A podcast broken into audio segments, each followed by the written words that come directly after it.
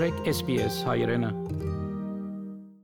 Yesterday evening, the House of Representatives debated the urgency to recognize the Armenian, Assyrian, and Greek genocides.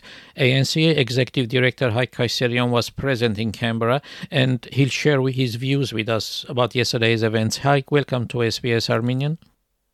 Thank you once again for having us, Fahir.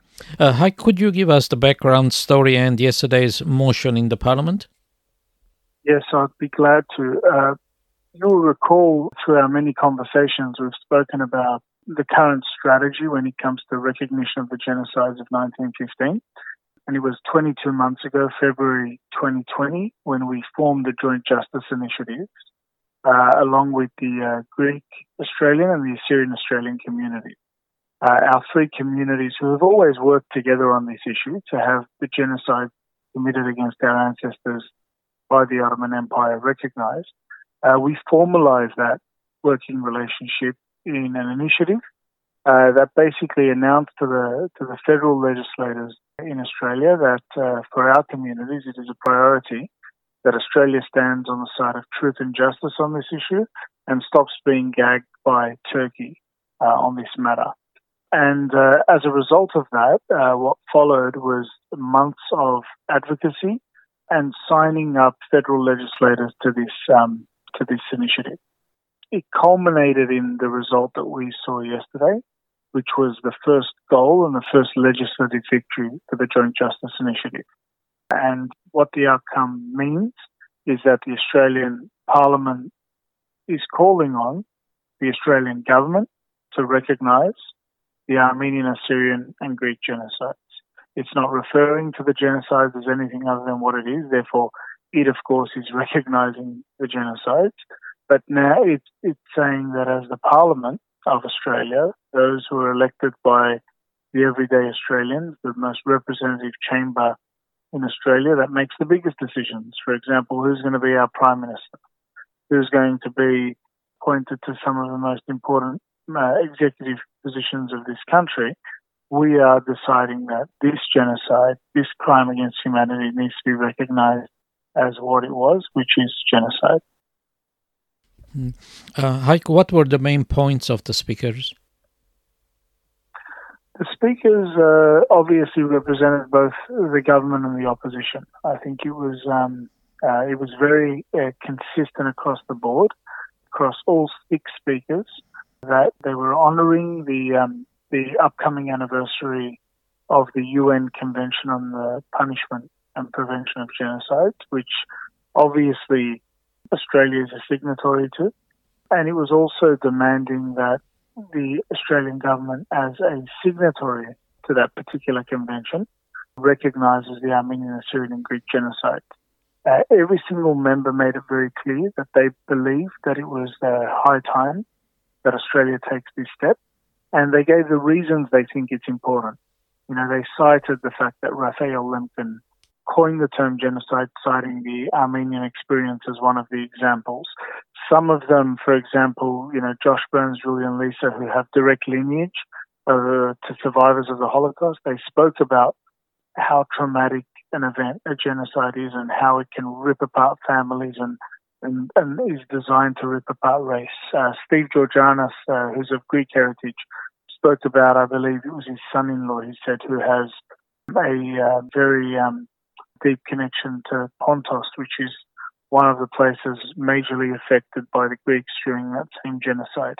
Um, we had different speakers call upon their experiences, their uh, their information, and at the end of the day, one of the words that probably stung uh, sung loudest uh, for me was by John Alexander when he said, "It is a shame on us as Australians that uh, as the Australian government, the Australian Parliament, that hasn't recognised is genocide and it is time that we do so. And I think it was unequivocal in its condemnation.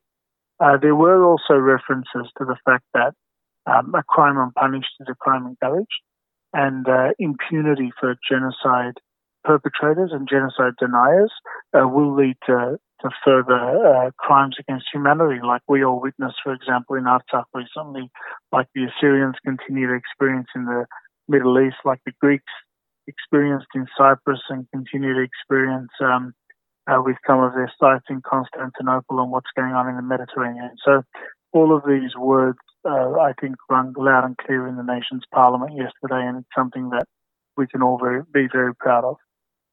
And what's the next step?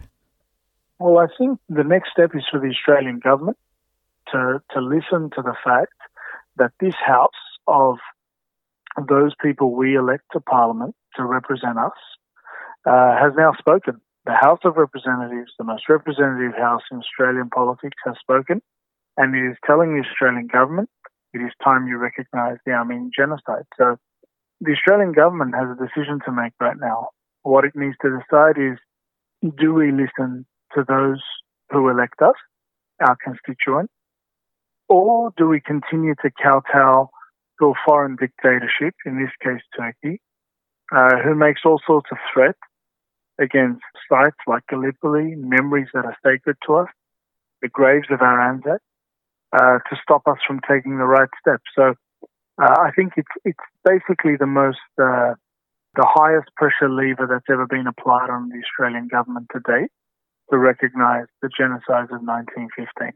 And uh, the next step is there to take that action. From our point of view, uh, it is up to us to make them realise that that is the next step that we expect as a, as a community, as an Armenian Australian community.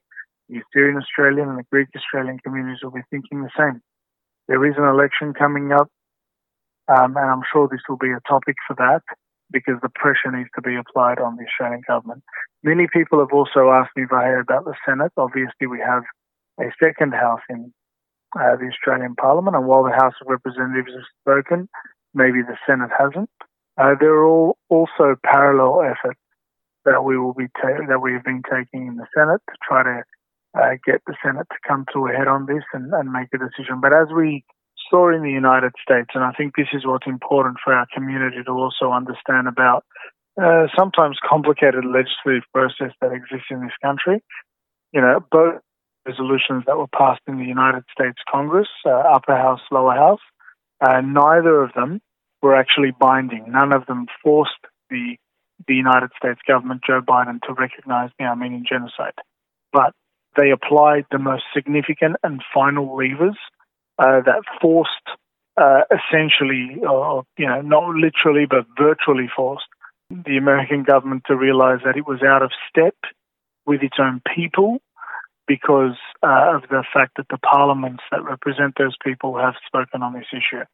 Um, it's up to the Australian government to now recognise this, and we will obviously work on the Senate, continue working on the House of Representatives, work during the election, and it's up to every Armenian Australian, Assyrian Australian, and Greek Australian to make this a topic, you know, during upcoming months as as all the political parties will be preparing for, you know, federal elections.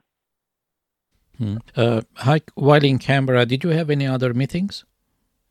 Uh, we did, Vahe. Obviously, you know, these issues sometimes, uh, when we talk about motions, you know, uh, it does sometimes uh, bring about a sense of, of joy, pride, and and it might even make you forget about some of the aches and pains you're going through.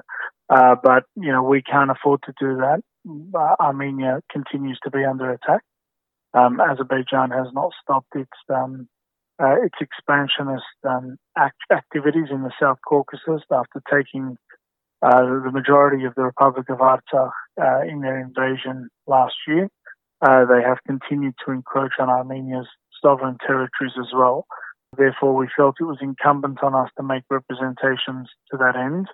Uh, we met with the ambassador uh, of the Russian Federation at his residence in Canberra, and also with the um, ambassador of the Islamic Republic of Iran um, at his residence. And in both of those meetings, we were able to convey some of the concerns that we have as Armenian Australians to add to, I'm sure, what they're hearing around the world and in their own country. That it is not acceptable to us that the right to self determination of the Armenians of Artsakh is being cast aside. The OSCE Minsk Group process and principles are being cast aside as Azerbaijan continues to take to take advantage of uh, for uh, as a result of the rewards it received uh, from its war crimes. Uh, we asked that these uh, two governments, the Russian government and the uh, Iranian government, stands by Armenia on these issues, that it, that it understands that it is not acceptable to anybody, a diasporan Armenian or an Armenian in Armenia, uh, for pan-Turkism to be to becoming a a very real threat, an actuality. In fact, we talked about the importance of Syunik uh, we talked about our POWs, the fact they're still not home. We talked about the cultural and religious desecration of the sites, and and also spoke about the importance of um, of preserving the borders of the South Caucasus, not based on you know administrative maps in the Soviet Union, uh, rather the right that the people who live on those lands should have. Uh, we were you know, quite well. First of all, we were very well received by both ambassadors. It wasn't the first time we were meeting either the Russian ambassador or the Iranian ambassador. Therefore, we thank them both very much for accepting us and continuing to give us some insights. And I think uh, you know, what their insights showed is that um, as long as Armenia is ready to stand and defend itself, uh, defend its borders, defend what's right, uh, it does have friends in the international community uh, who will assist in that. Uh, however, if Armenia can't get itself um, uh, defending and uh, and spends its time pontificating with enemy states who are very clearly not going to stop at anything to achieve their their perverted dreams, what we might find is that there won't be a sustainable Armenia in the near future.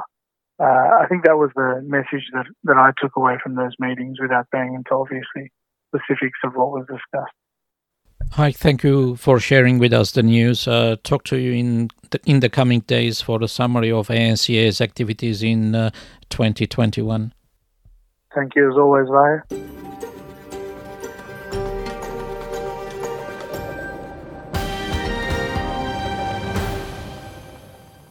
Our guest was Hai Kayserian, Executive Director of the Armenian National Committee of Australia.